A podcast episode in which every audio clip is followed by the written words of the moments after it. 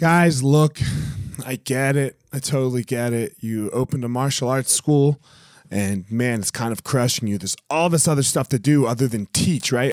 You love teaching. You love jujitsu. You love Muay Thai. You love karate. Whatever it is you're you're teaching. And man, but there's all this other stuff. There's there's the front desk. There's there's taxes. There's curriculum. There's cleaning. There's there's problems, staffing, covering. Whew, man, it's so much.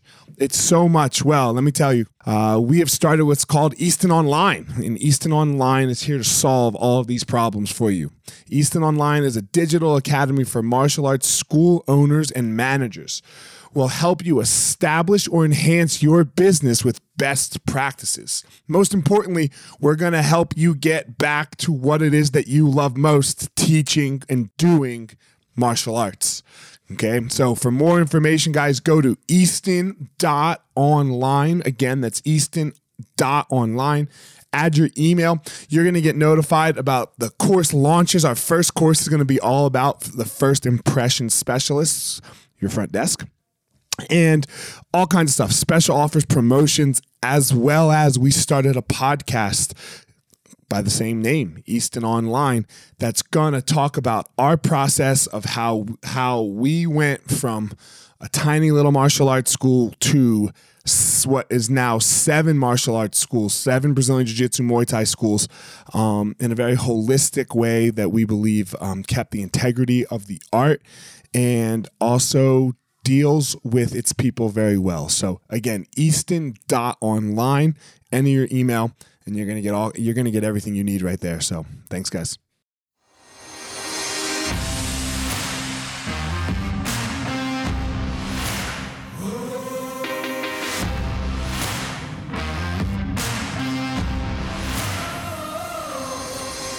What's up, my ninjas? This is former UFC fighter Elliot Marshall, and this is the Gospel of Fire, where we are going to learn how to go into the fire so that we can find our power and live the best life possible.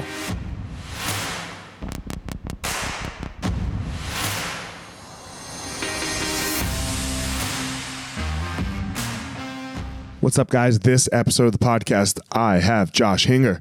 Josh Hinger is a Brazilian Jiu Jitsu world champion, three time Brazilian Jiu Jitsu no gi world champion, also uh, bronze medalist at the most recent uh, ADCC in two, uh, 2019. Um, Josh is a very, very well known in the in the BJJ community. He has his own podcast that he does with Keenan Cornelius called The Mat Burn. And man, we, we talk about a host of stuff between from um, you know what what's going on with jiu-jitsu schools now his story through jiu-jitsu um, and a little bit of the drama with uh, Claudia godella and uh, De La Riva. So um, I hope you guys enjoy the podcast with Josh Hinger. All right, guys, here I am. Another episode of the Gospel Fire. Jiu-jitsu stud, jiu-jitsu star, Atos legend, Josh Hinger. What up? Hey, hey, that's a it's a cool podcast name. The Gospel Fire. Gospel of Fire. Yeah, man. You got to go through the fucking fire if you want to get good at something. So true. It's so yeah. True. All right. You told me you were going to drop. You wanted to talk about the bomb that just got dropped on the So internet. we're talking about what we're going to talk about, and I was like, bro, Right. how, did you not look at Facebook in the last five minutes or twenty minutes? I mean, I looked at it ten minutes ago, but what happened? um, Claudia do Val. Oh, God, De La Riva. Is that true?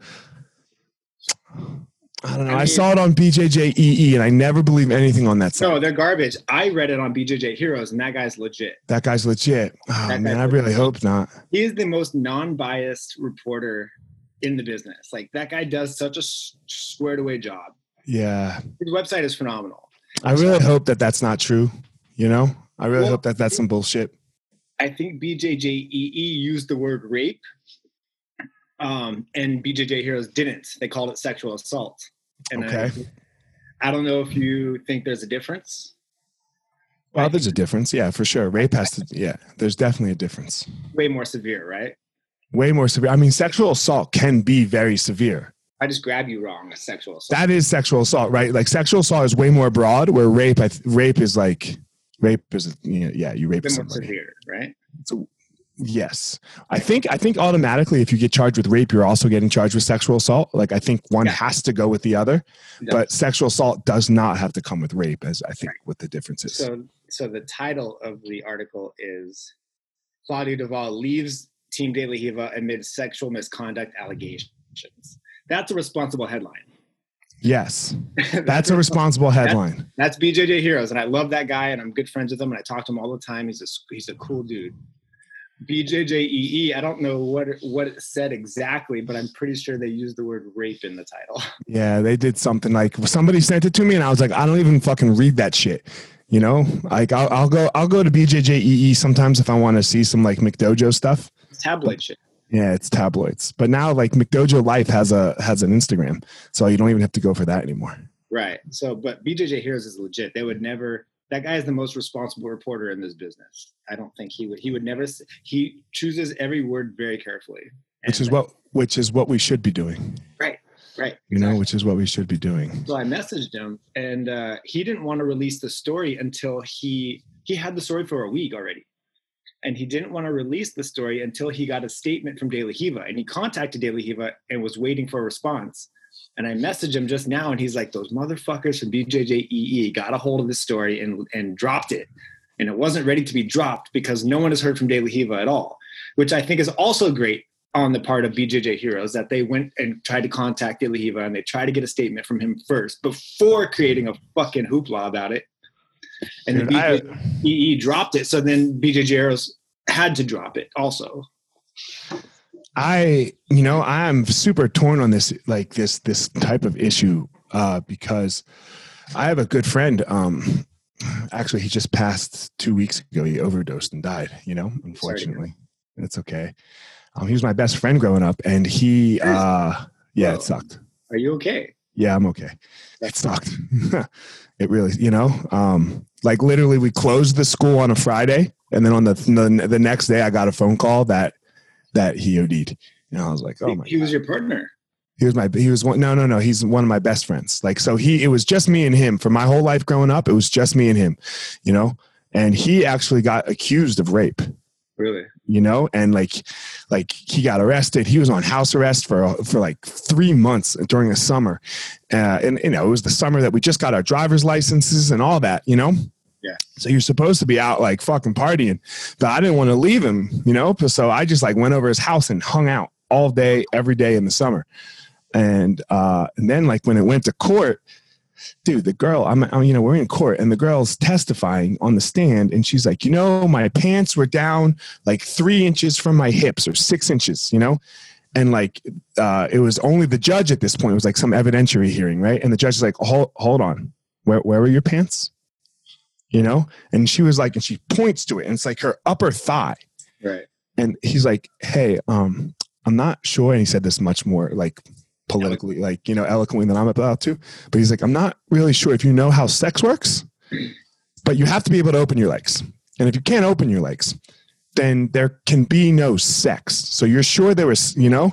And first he went through like, you're sure there was sex, like penis in vagina. And she was like, yes. And then, you know, and then he, the judge was like, okay, this is thrown out, you know? And then he, and, but like it ruined him for a or long her, time. Her story was just inconsistent yeah, yeah, yeah, it didn't happen, you know. And then it came out that you know, then it came out that she had done this to somebody else a couple years ago, really? you know. Yeah. And it's like, man, like, so it's so hard on both sides, like, because this shit is real. There are fucking dirtbags. Yeah. Allegations will ruin your life. Also, yeah, and, right. And there are dirtbags, like the dude at, at at Fight Sports, right? Cyborg's black belt. He wasn't at Fight Sports, right? A couple years ago, that guy yeah. was a dirtbag what happened? He he had a an underage person, right? In a relationship. We started with her at fourteen, right? He, so he was the guy that was running that tournament. Um, the the what was that fucking tournament called? Where if you pushed him out of bounds, you could get a point. It was in in Florida. Oh yeah, yeah, yeah. Garry Tonon. Oh, uh, yeah. DJ DJ beat Garry in that one. Yeah, Lucas was there also. Yeah, Enrique Coco yeah, and I remember talking to that guy, and he was trying to get me to to go to that tournament. And I just remember talking to him and just getting fucking bad vibes from him, bro. Yeah, bad vibes. So like the the, the problem is, is is it's fucking real. Right. Like this, it's a real thing. But if people would stop blowing it out of proportion, then maybe we could get to like some truth. And everyone does this on like every issue, you know. And it's so frustrating. That's so hard to find what like some truth is. It's right. it's almost impossible. Right, and that's why I, I really respected what BJJ Heroes was trying to do. They were not, Yeah. they were not trying to just ring the fucking alarm straight away. They were like, no, I wanted to. He's like, I wanted to wait, and I wanted to talk to David Heaven and get a statement from him. Uh, but BJJEE jumped the gun and dropped it, so he had to drop it. Otherwise, no one would see his story at all. Right. So at least his story gives a, a little more uh, accurate description of what happened. It's, what might have happened, right? Or why she's why she feels she's leaving. right. You know, why she feels that she needs to leave the school, which is totally fair on her point if she feels that way. Yeah, I think she Yeah. switched teams. She went to she's at Soul Fighters now. Actually, okay, gotcha. So also what I heard, so when I talked to BJJ Heroes, they were talking to um, I will not name their name, but a black belt under De La Riva, right? Who um, I believe spoke with De La Riva, and I think he's going to get a lawyer and um, kind of fight back and maybe pursue some um, what's it called defamation charges. Yeah, well, fuck yeah, he's going to. So he's You denying know? it, and uh, and then so I think he's going to call her out and say that she's lying, and then now there's going to be a long, drawn out legal battle. God, why why do people fuck their students? I mean, even if it was consensual here, right? Like, just don't fuck your It's students. Just trouble, bro. You're Just playing with do fire. it. It's never, yeah. fire. like what i mean like you know like what i, I get it like we have like I, I understand like the two the two students get together like that's one thing but course. you know and, and that normally goes bad too right, does. right like Not detrimental to the business. Usually. right but the fucking of your students is so it's so slime bag it's so sleazy you know like it just Well, it's weird because you're accepting money from them, yeah and, and you're having sex with them. And then and then like do you stop accepting money like once once the relationship like once you're once you're sleeping together do you do you go okay now you don't have to pay because then then that's prostitution Right. Or is, but is that also prostitution when you're accepting the money? well you're not accepting the money for sexual services you're accepting the money for jiu-jitsu Right. Supposedly. I don't fucking know right? Just don't do it. it it's don't do it. Like and, and i don't know what it is with these it, it, like like if some of the guys are just weak dudes you know? Like dude i mean like look i'm not for it. I've never done it. But if you want to go on seminar tours and sleep with the students then i don't like like at the seminars like i've always, I've always been married from or with my girl you know my wife so like that was never an option for me. So like but if you want to do that I, I don't agree with it but like it's not terrible right? Like but like dude if you if you, like your students like like what are you fucking doing? Like you are just asking for a shit show of life. For trouble, yeah, because it can go bad in so many ways, and no matter what, you're not going to look good. right no. Like how do you come out of it? Yeah, no matter what. Either you're going to get married and live happily ever after, which is a, the ideal situation, but so rare but so rare, right? More than likely, there's going to be a breakup, and then someone's going to be upset, and someone's going to say some shit, and you're not going to be able to prove it either way. No, and then half your school's going to go away, and then and then you're going to have this whole time where not only, like maybe maybe it was legit, and you guys legitimately broke up, and you're really sad about it, Yeah. but now you're going to be ruined as well. You're going to be dealing with bullshit as well, which is just, I don't understand how it's worth it. There's so many other people in the world that you could go sleep with. Yeah. I It makes- someone about three years ago. Um, not a student, right? It was uh, it's complicated, but anyways, I met them through jujitsu, right? Mm-hmm. They eventually made their way to Atos after we started seeing each other.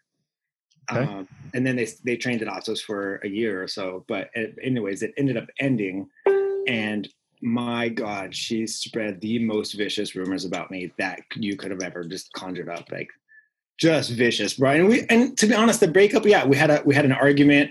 I walked out. I was like, you know what, this is not working. We're done. She resisted. It was like a normal fight you Right. would expect during a breakup, pretty standard issue breakup fight. And then, um, you know, for about a week, she was like, no, let's get back together. I'm sorry. And like, she tried to work out. And then once she realized it wasn't going to happen, she flipped the switch and just turned into my enemy and just spread horrible rumors about me, bro. Tried to, tried to like badmouth me to the IBJJF. Like, luckily they they took it with a grain of salt and Right. they, they understood the situation. Like, a breakup happens, someone gets upset.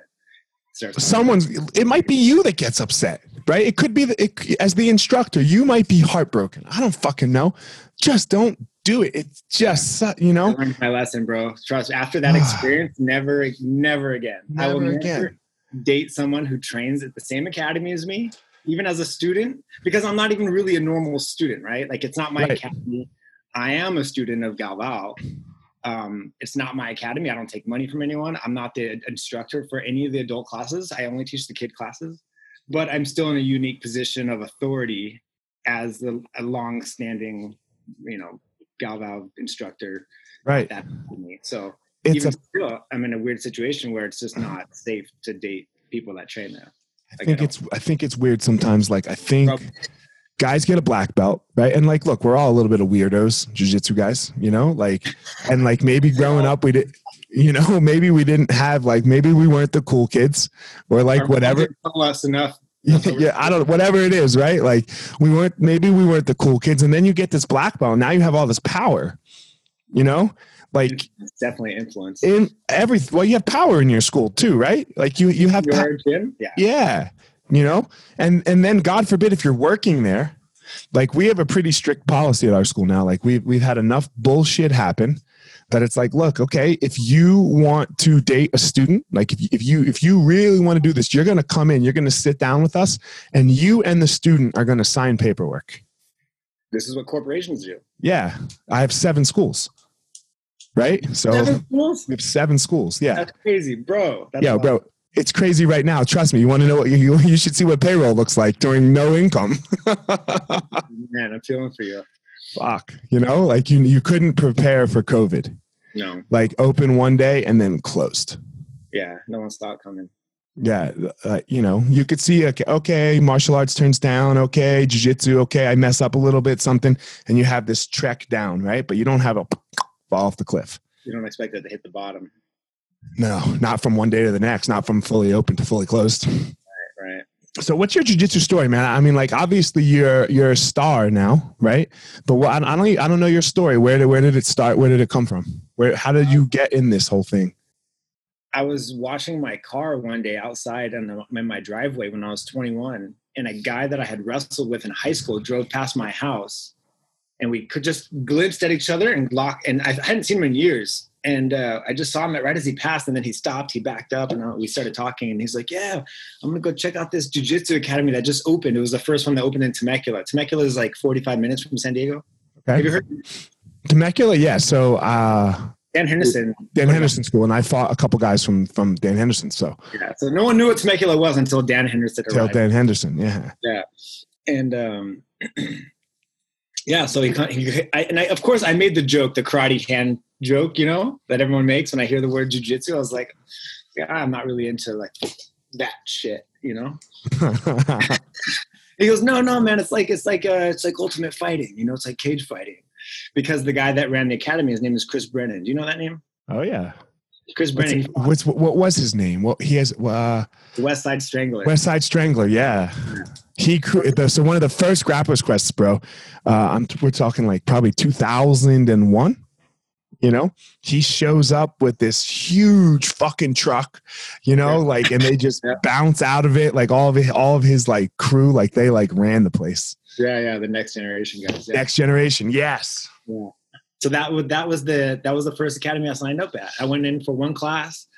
Um, I loved it. You know, I went with my friend and uh, I signed. I, I paid for the full year right then on the spot, thousand dollars for a year, and then I started training. It was just no Back in the day, Yeah, you know, and he was an MMA fighter, so he had a, he had a team, and and I had wrestling a wrestling background from high school. So okay. Is that where you grew up in California?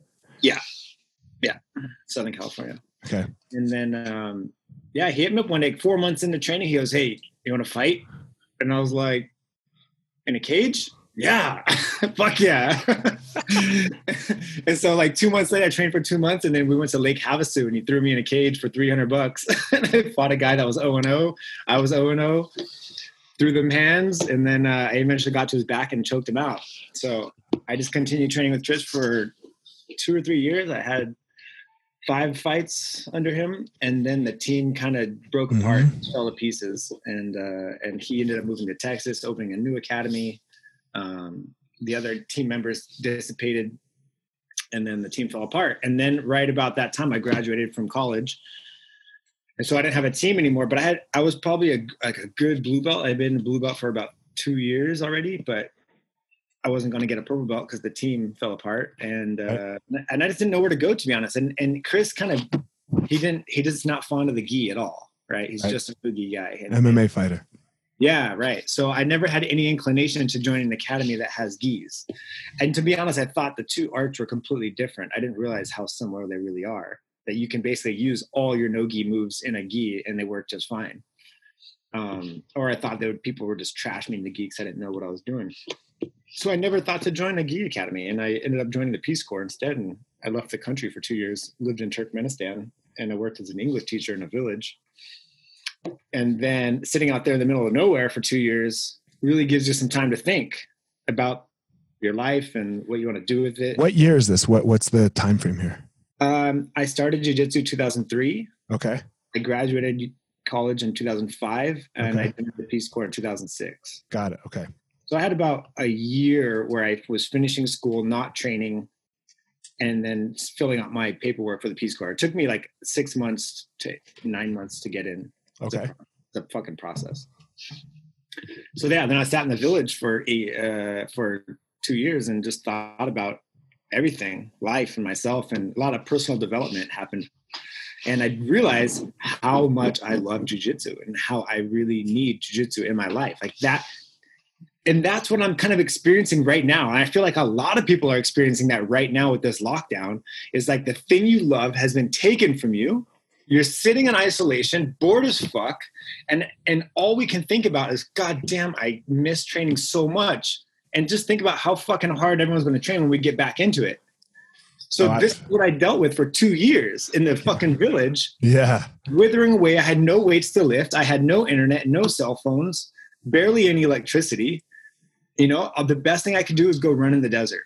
I had a you little had still, you had stillness. Right. Yeah. And I clarity. Yeah. When all the noise is gone and you you you know, we don't we during this lockdown we don't have silence. Okay. We don't. No, no. We have the media all up in our ears. We have our fucking social media friends all up in our ears. But in that village, man, I had peace, just peace and silence and and clarity, and uh, and I just I knew that jujitsu was what I loved and jujitsu is what I wanted. So when I came back, I just jumped in 100% all in and just trained my ass off for like probably five straight years of just full time training. At Atos? No, Atos didn't exist yet. Oh, oh, that's right. Yeah, yeah. Sorry, Atos yeah. is twelve, right? Yeah, Atos was founded in 2008 in Brazil. Okay. Didn't come to the U.S. until 2010. Right. So uh, I came back and I started training with the brothers of my former coach Chris, because Chris was in Texas, but his younger brothers, who are just enormous sacks of shit, they opened an academy. oh no, bro! They borrowed tens of thousands, maybe hundreds of thousands of dollars from their friends and then they just disappeared. They vanished. They left everyone with this debt. That I lent them twenty thousand dollars, and they just huh. disappeared, and I never got it back to this day. And then I found out that they did this to like half a dozen other people too. And then I found out that their their name is uh, Jake and Zach Brennan, and both of them have academies right now. One of them is in Waco, Texas, and the other one is I think is in Redondo Beach. And they're enormous sacks of shit who steal money from their friends. So I just want to say that publicly. Man, their mother, their mother was actually indicted on uh, felony uh, fraud. Didn't didn't Chris get in trouble too? I thought he got in trouble for something. No, but he was linked to them, and he ended up having to. They after they fucked all their friends, they went to Texas to to train with him. Okay of course they ended up fucking him too. Right. And they, they ended up taking like more than a hundred thousand dollars from him. And he had to either pay it or lose his entire business. The business was leveraged on this loan that they took out. And they took that money and they fucking split from him too. So I was with him just a few months ago and we, we sat down and caught up and and I didn't know about it. That's when he told me about his mother, his own mother being uh, arrested and, and indicted for for fraud because she was convincing students to take out student loans. They would take like one course at a community college and they take out a massive student loan from a from a private lender, and then they would give her the money to do whatever she was trying to do with it, and then she promised to pay them back with interest.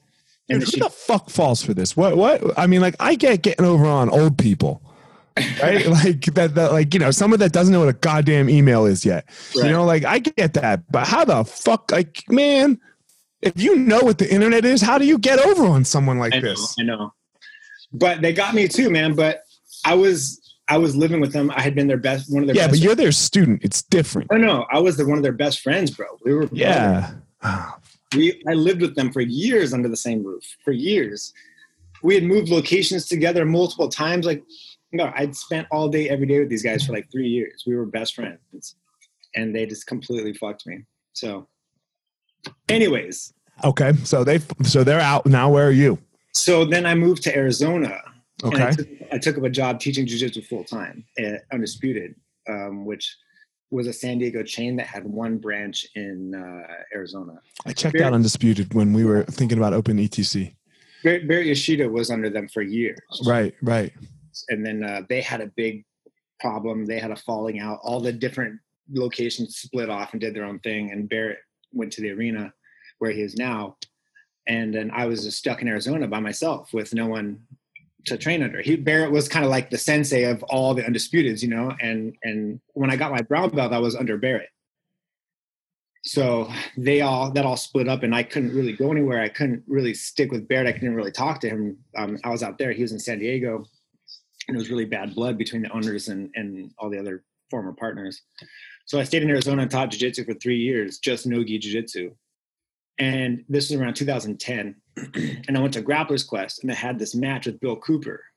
You I was did. A, I did, yeah. I was okay. a brown belt and I signed up for the Nogi Advanced Division.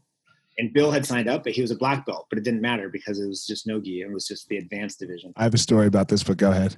and uh, bro, we had a great match, man. It's on YouTube, and he ended up winning, but it was a fucking beast of a match, man. I think the score was four to four. Kind of went back and forth. I, I attacked him, he attacked me and uh, he pulled off the armbar at the end, bro. I was just exhausted because I had never been pushed so fucking hard. Like I had never felt world class jujitsu until that right, match. Right. I never had any idea what a world class jujitsu athlete felt like, and he put it on me, and I was just amazed. And I thought to myself, what the fuck does Bill do that I don't do? Because I train every day and I train hard. And this guy, he just the speed and the pace and the the skills that he had, I was really impressed. And I thought, fuck, this guy trains in a gi and I don't. And I thought that's what the fucking problem is. That's why he's so strong because he's training with all those resistance, all the grips that, you know, they force you to constrict your core way harder. So I thought, fuck, I got to start training in a gi. So I put a fucking gi on that year. That was the year I, fo- I first put a gi on, man. I was like a brown belt, no gi. And I was like, I'm going to put this fucking gi on and I'm going to I used to talk shit about the gi all the time too. I was one of sure. those guys. I was one of those. Well, guys. you came from the next generation, right? So that's where your roots. That was what you did. You talk shit about yeah. the gi. That the was gi, the, the gi sucks. The gi sucks. Yeah. Why would you wear a gi? The gi is very important. I think. It's, man, my jujitsu and since I've been training in the gi. Yeah, it's very important. It makes you understand. It's so simple to me now. You know, right. once you once you once you deal with the complexities of the gi and then you go to a no gi situation, it's like, oh, this is so fucking simple. Right. It's just easy. It's not even it's not even exciting. It's not even interesting to be honest. Oh, for I so I still like nogi better. I'm better at nogi for sure, and because of that, I have more fun. Right? Because when you're good at something, okay. right? I just love the leg entanglements. I love all. The, I love the leg locks. Like that? I'm not. Yeah, I love them. Yeah, I mean, look, man, it's the only way I've been successful here. Like, like in my old age. Yeah, but you love it because you're good at it, or maybe you're. now I know because I got to, I got to like come back. You know, like I'm fucking old, man. I'm almost forty. That's why I and, trip out on these guys that are always talking about like they're like, oh, it's not fun to train in gi. I said, man, it's fun when you're winning. Everything's fun. When Everything's fun when you're winning. right. you know, right. everything's fun when you're winning. It's just like starting jujitsu. You're gonna suck for a while. It's not gonna be that fun, but luckily, jujitsu is fun even when you suck at it. I agree. It is. I agree. Uh, remember how stoked you were when you signed up as a white belt? Yeah, I mean, like yeah. this is the fucking greatest thing ever. This is so fun. I don't so, care if I'm getting ass kicked. I got that, that, but getting my ass kicked is what brought me into jiu-jitsu. Like I did karate my whole life. I did the wall, you know. Okay. And then, so this was the 80s and 90s, right? And then the one of my buddies who uh, I came up in karate with, he was older, Uh, you know, he was, you know, in his 30s and I was 18, 17, something like that. And uh, you you would go against your friends in, in tournaments because like you're Yeah, not yeah. fucking hurting each other, right? It's Yeah. sparring. So he dodged my division one year. And I was like, you fucking pussy. You know, I was like, you are so scared. And I'm 18, full of fucking testosterone, right? And I was like, yeah, I'm scared. Come to my house Friday. And I was like, all right, word. I'll fuck you up. You know, so I go to his house Friday and I have no clue what this jujitsu shit that he's doing. If this is 1997, 98. Bro, why are you wrapping your legs around me? You Yeah. Uh, I couldn't, but I couldn't do anything. I could, we started on the feet. No, we started on the feet. We just fought. Oh, you guys are like sparring. Like, Yeah, yeah. We just fought. Like, you know, we just we just went at it. No gloves. We put a mouthpiece in and we fought. you guys are just socking each other's faces, bare knuckle? He didn't even I tried to hit him like and I couldn't because he would just double leg me. because he wrestled too. He's a good wrestler. You know, so he's a very good wrestler. Um, state champ in New Jersey. So he he would get me down easily because I had no clue how to fucking wrestle. And then he would choke me the fuck out. And like this went on for two hours. And I was like, oh my God, I gotta learn this. Yeah, I was well. I was a really good wrestler in high school. I, I finished. I, I won the CIF uh, regionals. I was in, I was placed seated in the top top ten for masters. Um, I I was. I didn't. I think I lost one match my senior year. Oh, You know, man. and then um, yeah, I was I was so arrogant and cocky, and I went in there. I was like, no, I'm gonna be able to take these guys, no problem. I don't know what this jujitsu shit is, but I know how to wrestle. You know, and that's all that matters. And bro, I got trashed. Yeah, everyone does By that. this little girl, this little girl named Erica Montoya. She used to be a, a commentator for the UFC. I know who she is. Fuck she yeah. Yeah, man. She's an OG. Yeah. So she was like Chris's prodigy. Yeah, her and Gazi Parma. You remember Gazi Parma? Oh, I'm still friends with Gazi. Okay, fuck yeah. What's Gazi doing? She's uh, sells real estate in in Georgia, Okay. but she still does jujitsu. She teaches at an academy. She has a little kids program, and but I think her main career is just selling real estate. Nice. And uh, yeah, but she's still active. So her and uh, Erica and Gazi used to fucking scrap back in the day. They were the Hated each best- other. Yeah, they were like the two best girls, and Kira Gracie. You know, they were like the three best girls in jujitsu. I think. In the gi, nobody touched Kira though. Oh, of course. Even Yeah. Nogi. Kira, Yeah. I think, Kira, I think Two- Kira beat them both up at ADCC. ADCC. Yeah. She she had more trouble though. In the gi, she just trashed them. Yeah, I would imagine. Yeah. Erica, So yeah, Erica didn't even like. Well, she was a no-gi person too. Like she had a few years in the gi, but right. All right. So you where are we? So 2010, right? And now you put the gi on. How do you where where did you find Andre? so I moved. So after Tucson, I got super. It seemed like a dead end to me, the place I was training at, and uh, I mean, I was an instructor, but it just I wasn't really going anywhere in terms of career. So to be honest, I got sick of uh, teaching, and I got sick of being a full time athlete. So I went to graduate school. I applied to uh, five graduate programs around the country, and uh, I got I got accepted to a few of them, and I chose to go to Indiana University because they have a language program, and they have a regional studies program um, for the area that I lived in, Turkmenistan, Central Asia. So they had a department called Central Eurasian Studies, and I applied for a scholarship because I speak Turkmen, and very few people on this planet speak Turkmen. Outside of Turkey, outside of there, I'm assuming. Outside of Turkmen, almost no one, almost Right. no one. Like this university has every language program you can possibly imagine, bro. They even have they have Uzbek, they have Kazakh, they have uh, Persian, all the dialects of Persian. They don't even have Turkmen because it's just such a difficult language to find. So I got a badass scholarship to go to that program, and so I went there. Um, I started studying, and then they had a joint program with the uh, a bunch of different schools actually, but I signed up and I for this joint program to study finance in one school and then Central Eurasian languages in the other school. So I was studying languages in one part of the department and studying finance in the other because I feel like I needed a practical skill that I could use in the job. So, and I liked economics. I was I always thought economics is super interesting. So I signed up for this uh, this master's program in finance. It was a, it was a uh, mass is a master's in public affairs with a focus on uh, financial administration. Okay. Anyways, um, so I did that for three years, and then while I was there, an Andre Galvao black belt messaged me, who lived about 30 minutes away. His name was Tim Sled. He was Andre's first American affiliate. And so Tim invited me to come train with him, and that's what I did. And then Andre came out for a seminar. That's when I met him. We trained. We had a really good training session. It's actually on YouTube. Um, it's like ADCC champion Andre Galvao trains with Josh Hinger or something. And it was the first time I ever trained with Andre, which was in 2011, right after he won double gold in London. Okay. Nottingham. Nottingham, I think, yeah. 2011. So, um, but I didn't have a team. You know, I was training with Tim as a friend, and I didn't really have a team to sign up under. And I wanted to do Nogi Pans as a brown belt. And so I messaged Andre a few months later, and I was like, "Hey, man, like, can I be on your team? Is that cool? Like, can I?" he was like, "Yeah, sure." But he had already, like, when I met him, he had recruited me. Like, he tried to recruit me. He was like, "Josh, I need you to come to San Diego and train with me because you have a good guillotine and I'm going to fight Braulio next year and I need I need help on my guillotines and it'd be cool if you could come like just try to guillotine me as much as possible. And I was just like, man, that sounds awesome, but I have to finish this program because I have a scholarship. They give me a fuck ton of money. I can't walk away from it. I'll have to pay them back if I do. Right. Like I got to finish this. And then he would come back out every six months for a year, and he just kept hounding me, like, bro, Hounding you. yeah. I was like, I need you to come to San Diego. And uh, so when I finished the program, that's what I did.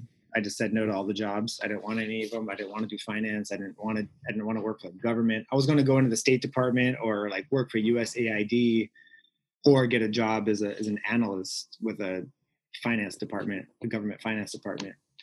I just said no. I said, man, I don't want to do that shit. I don't want to deal with Excel sheets. I don't give a fuck about PowerPoint presentations. I don't give a fuck about you or your suits or your numbers. I'm gonna go to jujitsu.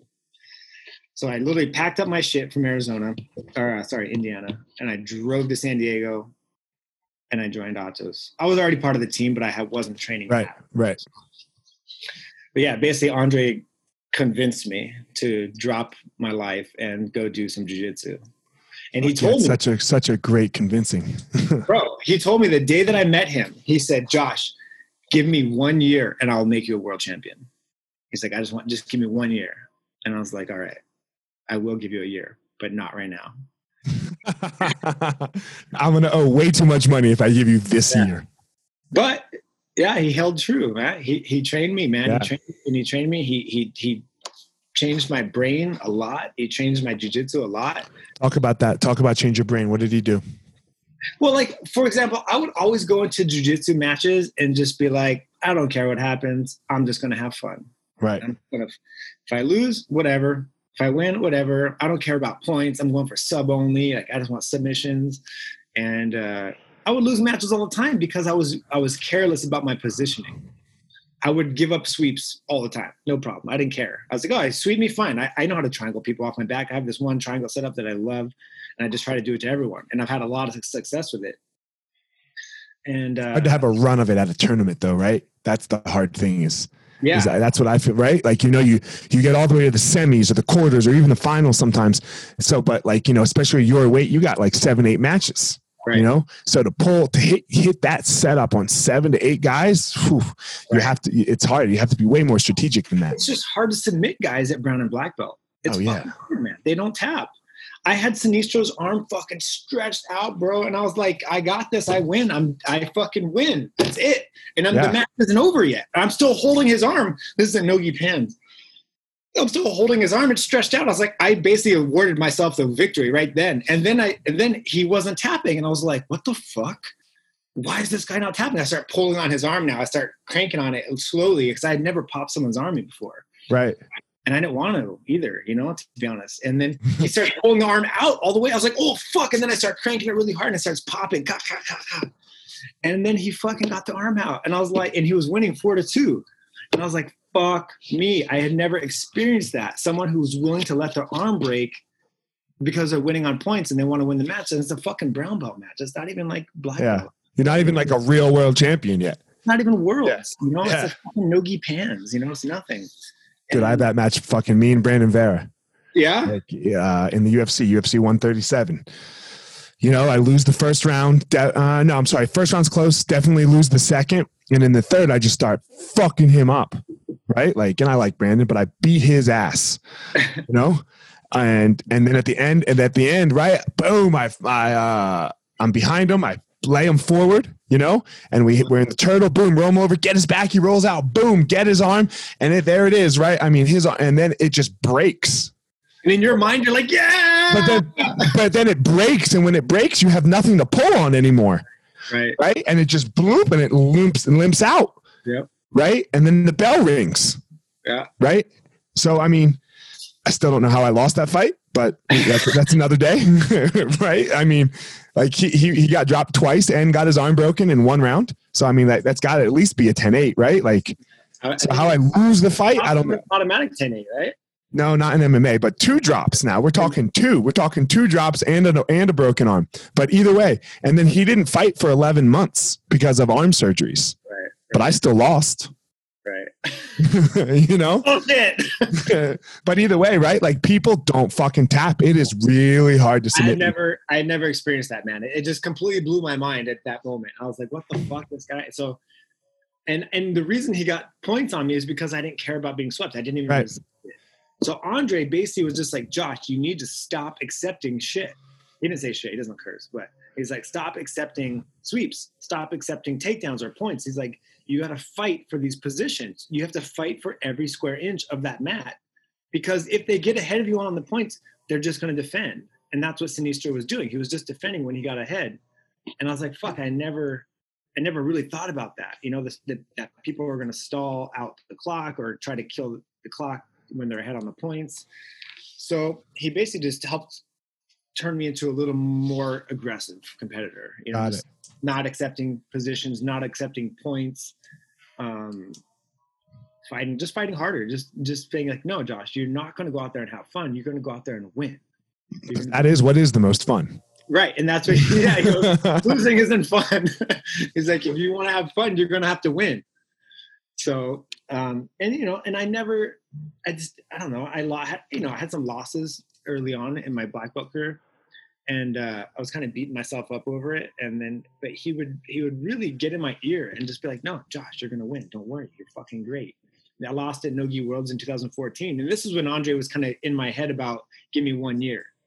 So I went to Nogi- Nogi Worlds in 2014. I'd only been training with him for about four months, and uh, I lost, lost first round, and uh, but I was like, you know, it's whatever. I'm still adapting. You know, like the switch that I made from training in Indiana to training at Atos was massive, just fucking massive. You know, I mean, Atos has killers we don't even know about. bro, just everyone was JT was there. Keenan was there, you know, all these fucking savages were there. Michael Liera Jr., Mike Carbolito, like these dudes are fucking tough.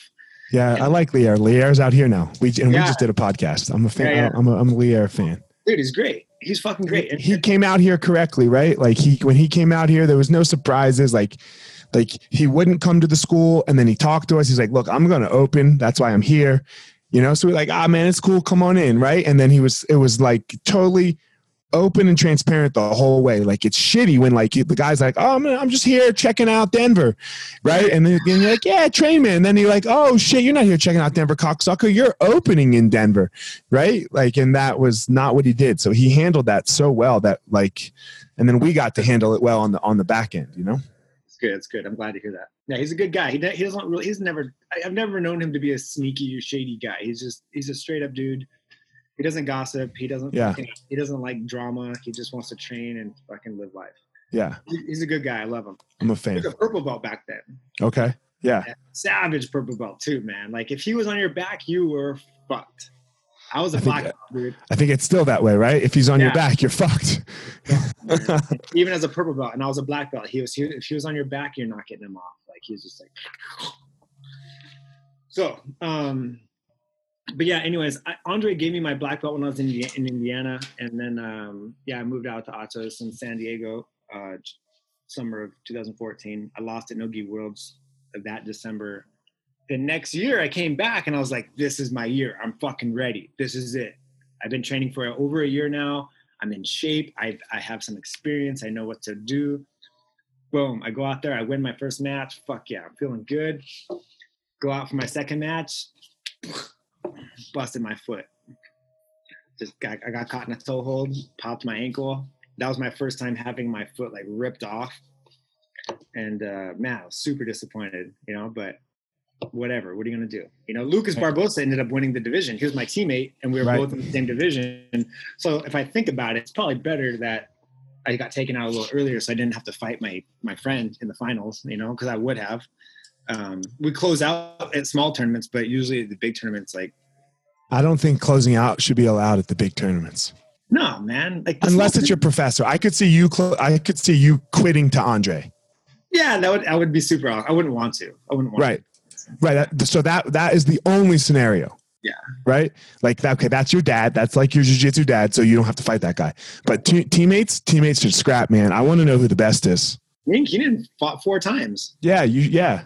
You sh- and you should. And you should be able to be friends afterwards. It was fine. We had a great time, and it was perfect because I won the no gi match and he won the gi match. So it was like we both had wins, we both had losses, and we both felt good about it, and we can both talk shit to each other, and it's still funny. Right. You know. As it should be. That like you should be able to handle that. Yeah. Like You you know, fight in the school. Right. Exactly. Exactly. And we talk shit to each other while we're fighting in the school. So. Mhm. big deal. Um, but I remember, and I, I told this to Drysdale the other day on his podcast. Um, Keenan had me actually in a, in a triangle in the, one of the gi matches. It was at American Nationals, and he was stretching out my arm, right, stuck in the triangle, but he was ripping on my arm, um, and I wasn't going to tap. And he goes, "What are you?" He goes, "What?" do you-" He whispers to me like, "What are you doing?" I'm going to break your arm, and I was like, "No, you won't. You won't fucking do it." and he didn't. He let me out because he wasn't. He wasn't. and I knew he wouldn't. Uh, he was winning on points though, so I think that's why. I think if he was losing on points, I think maybe he That would have been a different scenario. If he was down 10 0, he would have been like, yo, fuck your arm, son. So uh, yeah, and uh, so anyways, Lucas Barbosa ended up winning Nogi Worlds that year, and which was still cool for me to see my friend do that. So uh, yeah, it was cool. yeah. And then uh, next year, 2016, was the year that I won. So So you got to, he, he came, you know, a little late, but you are a world champion. he fulfilled his promise. Yeah. And Yeah. I won, I won again in 2017 and again in 2018. So you're a three time champ. Yeah, only non-Brazilian ever to do that. Fuck yeah. There's a couple. Lovato won it three times, but not in a row. The Nogi? Yeah, Nogi Worlds. He won. Got it. He won it two years in a row, and then he got silver one year, and then he won it a third time. But what's cool about Lovato is that he did it in three different weight classes. Yeah. So he, I think he's the only uh, only American ever to win Nogi Worlds in three different weight classes, and I'm the only uh, non-Brazilian on planet Earth who won it three years in a row. Gotcha. Fuck Because yeah. I think Caio Terra won it like nine years or something in a row or something. Right. He has the record, and I think Cyborg's at like six. American. Brazilians, though. Yeah, right. Brazilians. Um, I would say Lovato's the best American. Oh, of course, yeah.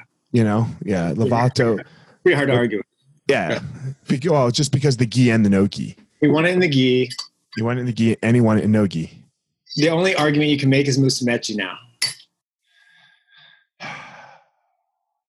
Because he won it, he won Nogi Worlds the first year that I won it, 2016, and then he went and did the gi. Got three in the gi, right? Yeah, but the thing is, Lovato also has uh, podium places at ADCC. ADCC. And All right. Musumeci's up there. It's those two. yeah, and it's then those two. and then Lovato took it to another level and won the Bellator title. God, right? I mean, he, I, Uh, like, his so brain, that- his massive. brain thing. I mean, like, I, he's going to be okay, right? He's going to be okay. It looks like. So it, it almost is a perfect ending there, because Yeah, Look, went out man, as a champ, and that was went it. out as the champ, beating Yeah. Mousasi, right? Yeah. Not like it's not like he didn't like because sometimes people go like uh like people talk shit on Bader, right? Because Bader didn't win the t- the fight the title in the anything in the UFC or a big or Pride or you know, and then like he went and and like kind of beat up on some old guys and won the Bellator titles, right? But I'm so like they talk shit to him. Mousasi was a re, like for a legit champ, like a legit champ for a long. And I'm not saying Bader's not right, but there's an argument to be made against Bader. There's not with Mousasi, right? when you beat the best for the title, that's cool. That's Yeah. fucking- I mean, it's cool to be the champion, not taking anything away from anyone. Right. But it's like, man, it's like if you if you beat McGregor for the belt, it's something else, you know. Sure. The person, uh, I don't know if Jon Jones ever going to fight again, but the person that beats Jon Jones, right? Like, uh, it's like that, right? You know, it's like when Weidman beat Anderson, Right. Exactly. right? Like so, The level of special. and I love Lovato. He's he's a star, but like, look, we all we all know what the what the end of fight careers look like. Like you get beat up. Yeah. Like somebody fucks you up. Even if you even if you become Anderson, even if he would become Anderson, it wouldn't. End, not, nobody ends pretty. Like GSP is the only one that's ended pretty. Yeah. Right. I agree. Yeah. And so now he just gets to go out as the as the fucking as as like a goat. At, you know, as a as a everyone a standing uh yeah. standing applause. You know, like oh fuck, man. And you can only wish him the best because he's just a good dude. Yeah, there's the yeah, and you know, and he followed his passion and followed his dream all the way through it. You know, like I wish I would have taken the Lovato route more than I than more than what I did. Yeah. Like I I was like he and I were like right there as brown belts. You know, he was a he was a couple years ahead of me, but we had won all the same stuff. You know, and we had both like traveled and and like all that because back in like you know the early two thousands. There was no what it is now. Like it was hard. It was hard to compete. Fucking Grappler's Quest, bro. That was it. Yeah, it was it. And then like you had to like there. you had to travel to Tijuca, the T- Tijuca Tennis Club, to Yeah. to really, you know. And then the, you had the pans. So like I I had won all the pans, right? Like boom, you know. But then other than that, it was all traveling. So he and I were like right there as far as gi and no gi. And then he's like not, like we didn't talk about this, but like he kept the MMA, the jiu-jitsu thing. And I was like, now I'm gonna fight fucking MMA, you know. And But Like, you I- jumped in MMA way sooner. He stayed with jujitsu for a lot longer, and then he did jujitsu after he had already won a whole bunch of shit in jujitsu. Yeah, he became a world champion, right? Like I should like looking back at it, and don't get me wrong, man, like fuck, I had an amazing go. You know, it was it was oh, Sure. Anyone who ever got the fight in the UFC is, is a fucking. That's Yeah. like- that's the, one of the best fucking bucket list items. You ever. get a bucket list. Yeah. yeah. Yeah, you get a bucket own list. bucket. It's like its own bucket. Yeah, for sure. Uh I'll disagree with it. It's kind of it's too easy now in my opinion to get in. Think so? And now, yeah, man. Yeah, you You can you so? can get in off nothing. Well, they they do they do bring people on contract way Mhm. easier, even if they don't use them. Right. right? So to be a contracted UFC fighter is pretty common, even Right. if you're not getting fights. You might not. Right. Get But, no, you might not get fights. Like, I mean, look, I, I'm not even, I wasn't even that good. Didn't have a you know, nothing. But like, it just because back, or like, you know, in the, UFC was it? You were, uh, my first UFC was in 2008. what what number was it? Uh, it was the Ultimate Fighter finale, an Ultimate Fighter finale. So, because I came in off the show in 08. Which which season was that? In the season eight, Nogueira and Mir were the coaches. Nice. Uh, so, like, there was only, you know, 40 guys in the whole world in your weight class that anybody knew anything about. Right. So, if you hit the UFC, you were like automatically top 20. right. You, like, just the contract got you to be top 20. Right. So, you know, so that was that. That's what I mean by it was a little different, right? You were fighting a top 20 guy no matter what. There's no way out of it. So, um, that's why, like, so, but you know, the sport has to grow, and I totally understand that. And I think the top of the UFC is better now than the top of the UFC when I Oh, was fighting. Sure. I Yeah. think champions now would fucking destroy the champions back in the day. Yeah. And that's, Yeah. the, that's to be honest, that's the statement that Keenan got crucified for. That he was he was trying to say that competitors now are way better than the competitors back in the day. And I- but I, th- I think it's true for any sport. Keenan I agree, but you can't touch the, you can't, you know, and I get you can't touch Rickson. He started naming. Yeah, you can't touch Hick- Rickson, That's where man. he messed up. He started. Yeah, you can't names. touch Rickson.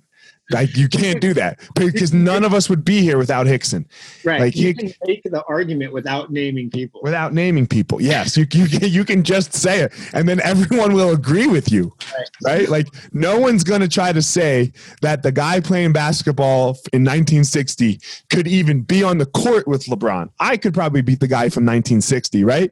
Like because he had to go work a red. LeBron. yeah you know like so i couldn't even make a high school team now you know but just but you and you could name almost anybody you wanted. You just can't touch rickson because Well, he also he also touched Helio, which I yes yeah was- like you can't do that. Like that like we wouldn't be here without them. Right. and and like and to their credit and not like and i've never really met keenan. You know I've, I've like seen him you know? Like we we i think we know who each other are probably.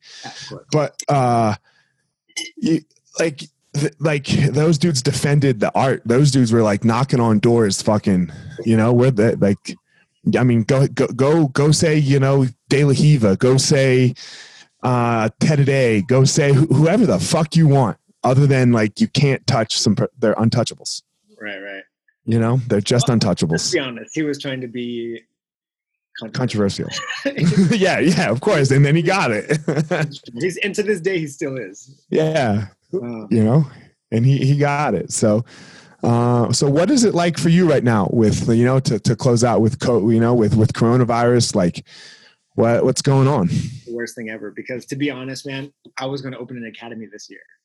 this was my year to open the academy. You know, I put it off for years. You know, after I first won Nogi Worlds, I was like, oh fuck, I can do this. Like this can be my career. That's when I had this like, epiphany about about you know staying with jujitsu full time forever until I die. Um, and then I kept pushing it back year. I was like, oh, you know, I want to win a few more tournaments and build my name a little bit more and, and just develop myself more. And this was the year, man. 2020 was going to be my open the academy year, and I had I had figured out an area. I had money saved up. I was ready to do it. I didn't need a partner. I didn't need loans. All I had to do was find a location, man. And right, I, I probably searched locations for about a month right before this happened. well, good thing you didn't bro Right, uh, right, and I'm thankful. I'm thankful that I didn't pull Yeah. the trigger. I know, I know a guy on my team. He's signed, he's a, a physical fitness. Um, that's his business. Um, he's a trainer. okay He signed a lease on a building, bro. Like the week before everything started getting shut Uh. down. so he's got no income No, no, he just has a lease that he pay has to pay on and no income. man fuck that we, No. we we're gonna tell our landlords uh to fuck off like so i i own a couple of the buildings so that we're fine there i'm the landlord right Right. um but then the other ones they're gonna fuck off because Is- like Is the bank working with you at all? yeah the bank's working with us for sure But but you know, the banks are probably working with your other landlords, right yeah of course they are right? Yeah, of course they are. You know, so these guys are one trying to be dicks, and it's like, look, man, you have a couple options here, right? Like, so you can kick me out, which you which you're gonna do. I'm sure you might ruin my credit, but uh, that's not even gonna matter when this is all over, You're so well established; it doesn't matter right now. right? That's not even gonna matter. Or you can like have me in the lease, and we can just defer the lease, and when this all ends, you know I'm gonna be paying again. I've never missed a payment Right. right? Like we've we've been in business in some of these like uh at the places we're talking about 10 years. We've never fucking missed. So like let's just work with each other here. Right. And you know, I get it. I'll have to pay a little bit, but you know, I'm not paying the whole fucking thing. How can I do that? Right. Even my apartment complex allowed us to break up our rent into multiple payments, Yeah. which You have to work with people. yeah, it's nice. I mean, I don't, I don't need it, but I'm, I'm glad that they made the gesture. Right. You know? And they gave us, they actually gave us a fifty dollar gift card for paying our rent on time. Fuck yeah. Like, yeah, cool. And dude, our governor came out and said there's going to be no evictions. They will not process any evictions. Right. So it's like, yeah, go fuck yourself. right. So You know? just be a team player. Just yeah, we're we're in this together. Team Earth, motherfucker. Yeah. That's what you should tell them. do you- If you kick me out when when all this ends, you know how cheap your rent is going to have to go? Yeah. Right. right? You're going to have to go to like 20% of what you're charging me. Right. So you just do that math. Even if this lasted 10 months, I'd make up what you would charge in a month. right. So just don't be an idiot. It's so hard to fill up a building too, bro. He's gonna say that building will be vacant for months upon Months, months. Right. Just just don't be don't be stupid here. Whenever you get a new a new tenant, you have to give them a few months to do a new build out, right? For whatever their business might be. PI. Yeah. So Yeah. doesn't make sense. Not smart. Yeah, not smart. Wins if we work together. Yeah, this is we need, you know, we need we need uh, first of all, we need transparency and truth. Yeah. right? Like everyone, like even, God, I know it's killing me that the school owners that some of I'm seeing that some of the school owners are doing that they're just. I talked about this on the webinar. God, the people that are saying that they're going to pay, like if you're if you pay while we're closed, that we'll pay you back. Can't do that. Yeah, that's weird. That money, I, I feel like that money would disappear. And It would disappear. How are you going to pay your bills once you're open again? Right. Like if you if you have to cut, if let's say let's say you have to cut your your bills, your income by thirty percent because you're paying money back now on a loan. That, that's a really high interest rate loan, man. Right. Right. You'd go you'd go under the day the month you'd opened again. You'd go under. Right. But you see a lot of people saying this. You can't say that. Right. That's weird. Um, You have to have cash. This is like this literally is like you're donating to your favorite nonprofit right now. um, 24 hour fitness charged me this week. And i was like what the fuck are you guys doing? Why why are you processing credit card charges when you're not open? And then we got an email saying oh they're going to extend your membership on the back end. No, fuck off. I was like motherfucker i pay month to month. Yeah, no. so so basically you're going to tell me when i want to end my membership you're going to extend it for me for free for another month? That doesn't make any fucking sense because if i want Uh-uh. to end it there's a fucking reason i want to end it. 'cause yeah, I'm moving somewhere. Yeah. So you're gonna And- extend it for me? That doesn't help me if I'm. It doesn't make any sense. A- And look, that I mean, there's going to be a 24 hour fitness open somewhere. Jiu-jitsu schools are different, right? Like people oh. love Oh. their jiu-jitsu schools. Like it's all about the community. It's not even about the jiu-jitsu. No, it's the Right. life. It's life. about the lifestyle. Yeah. It's the. It's a fucking team. It's a family. It's a yeah, it's a family. So, but uh, cool, man. Tell everyone. I know you have a podcast, Matt Burn, right?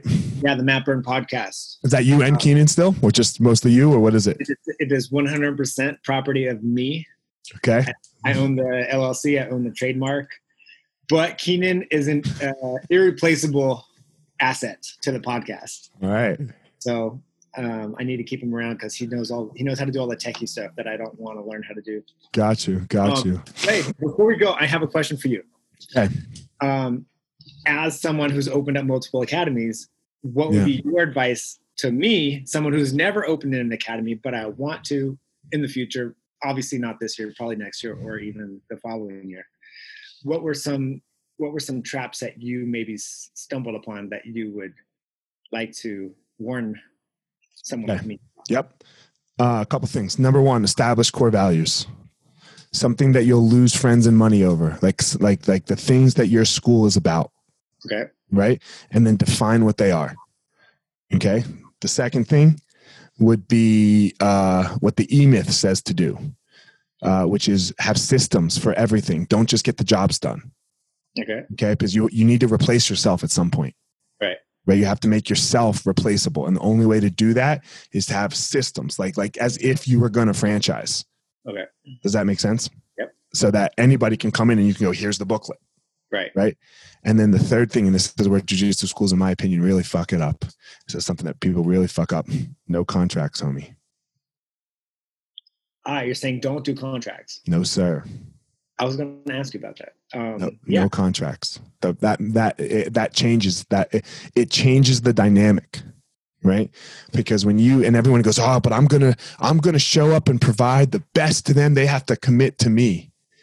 And you have to, in my opinion right? Um obviously this is all just my opinion Yes, uh, of course. That's but- what I want. if you look at it as it's your i know you're a three-time world champ right? And sometimes this is hard for for people that have been successful me included right? Like it is your privilege that any one person would actually show up and walk in your door and choose to spend that hour with you it is not the student's privilege that you're teaching them uh, yeah. I, so if I'm down with that. if you can come at it from that point of view then what do you need a contract for Right. because you're going to show up and you're going to provide the absolute best class every single time. It is a way to keep yourself accountable, right? Oh yeah, like, oh, you signed the contract. Now I don't. oh yeah, can yeah. What you want. Right. Yeah. You know this person can leave you any at any, Any minute, any minute they can leave. Yeah. Right? It's it's like a relationship. You can't be a fucking dick to your spouse. Right. Because right, like it, the the, the piece of nice to them until you marry them. And yeah, you're gonna be a yeah, piece of shit. yeah, yeah, right. But you can't be.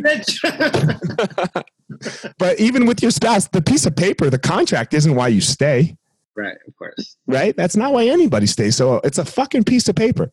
And then think about the That's really good contract. analogy. Yeah. And then think about the contract. What are you going to take people to collections? know. No. Ruin their credit because you're a shit instructor and they don't want to train with you. Right? What, what- they- because They right? got to move. Yeah. You know, and, and then and then they don't want to pay the three hundred and fifty like the three hundred and fifty dollars to get out of the uh, you know Right. the Joe Rogan podcast fucking changed my mind on this. Remember Ting, the cell phone company? No. No. So it was like, yeah, I don't, know, I don't even know if they're around anymore. It was like 10 years. So when we first opened one of our big schools, right, uh, the, the Denver location, you know, I'd be driving home at night and I'd listen to Rogan and he had this company called Ting, you know, it was a cell phone company and they were the first cell phone company to do no contracts. And he's like, yeah, man, why would you lock someone in a contract? That just means you're going to have a shitty product. Right. You know, and I was like, yeah, but everyone hates their cell phone company, right? I was like, yeah, yeah, but I'm a piece of shit. I lock people. In. Fuck, I lock it, you know? and, you know, like, and then I was like, we got to get, we got to go away from this. Can't be a hypocrite. Can't be a hypocrite. And it, it, it so upped our product. You know, Right. it's so upped our product because nobody's going to have a better product than us. I'm not saying that like, um, You're keeping yourself accountable. right. I'm not saying that somebody doesn't have better jujitsu than me. That's not like, of course, people that will always be happening. Yeah, Right? But it's it's when you walk in the school from from the second that the phone that you call from the second that you walk in the door from from what your Mm. first month is like yeah from how you feel yeah, so but that so that's what it is so but no contracts Cool. I appreciate that. I appreciate your insights. those three things those three things are the key core values Values, systemizing, systemizing no contract. no contracts so Sweet. all right man hinger bjj right at hinger bjj Yeah, if you want to follow me on Instagram, it's at Hinger BJJ, or you can follow the Matt Burn podcast on Instagram. And you can check out my YouTube channel, Joshua Hinger. It's about yeah it. all right man i appreciate I'm, gonna, I'm i'm gonna close this bitch up and then uh Yeah. and then i'll and then i'll we'll don't hang up uh so as everyone knows you all have a unique power you're not special your mom has lied to you but you do have something unique that is amazing about you go out there and find your power don't try to be josh hinger don't try to be elliott marshall don't try to be keenan cornelius or anybody else that we talked about on this podcast you be you you find your greatness and that is what amazingness and a great life looks like all right, everybody. Thanks a lot. All right, everyone. Thanks for listening to this episode of The Gospel of Fire. If you enjoyed the episode, I'd love a review on iTunes or wherever you are listening to this podcast. Don't forget to follow me on social media at FireMarshal205. If you are a BJJ enthusiast, check out my YouTube channel. I put all kinds of instructional DVD uh, videos out on there, so go check it out. My book is still out on Amazon by the same name as the podcast, The, the Gospel of Fire. So if you are interested, go check out that. And most importantly, guys, go out there every day, find your power. Thanks a lot.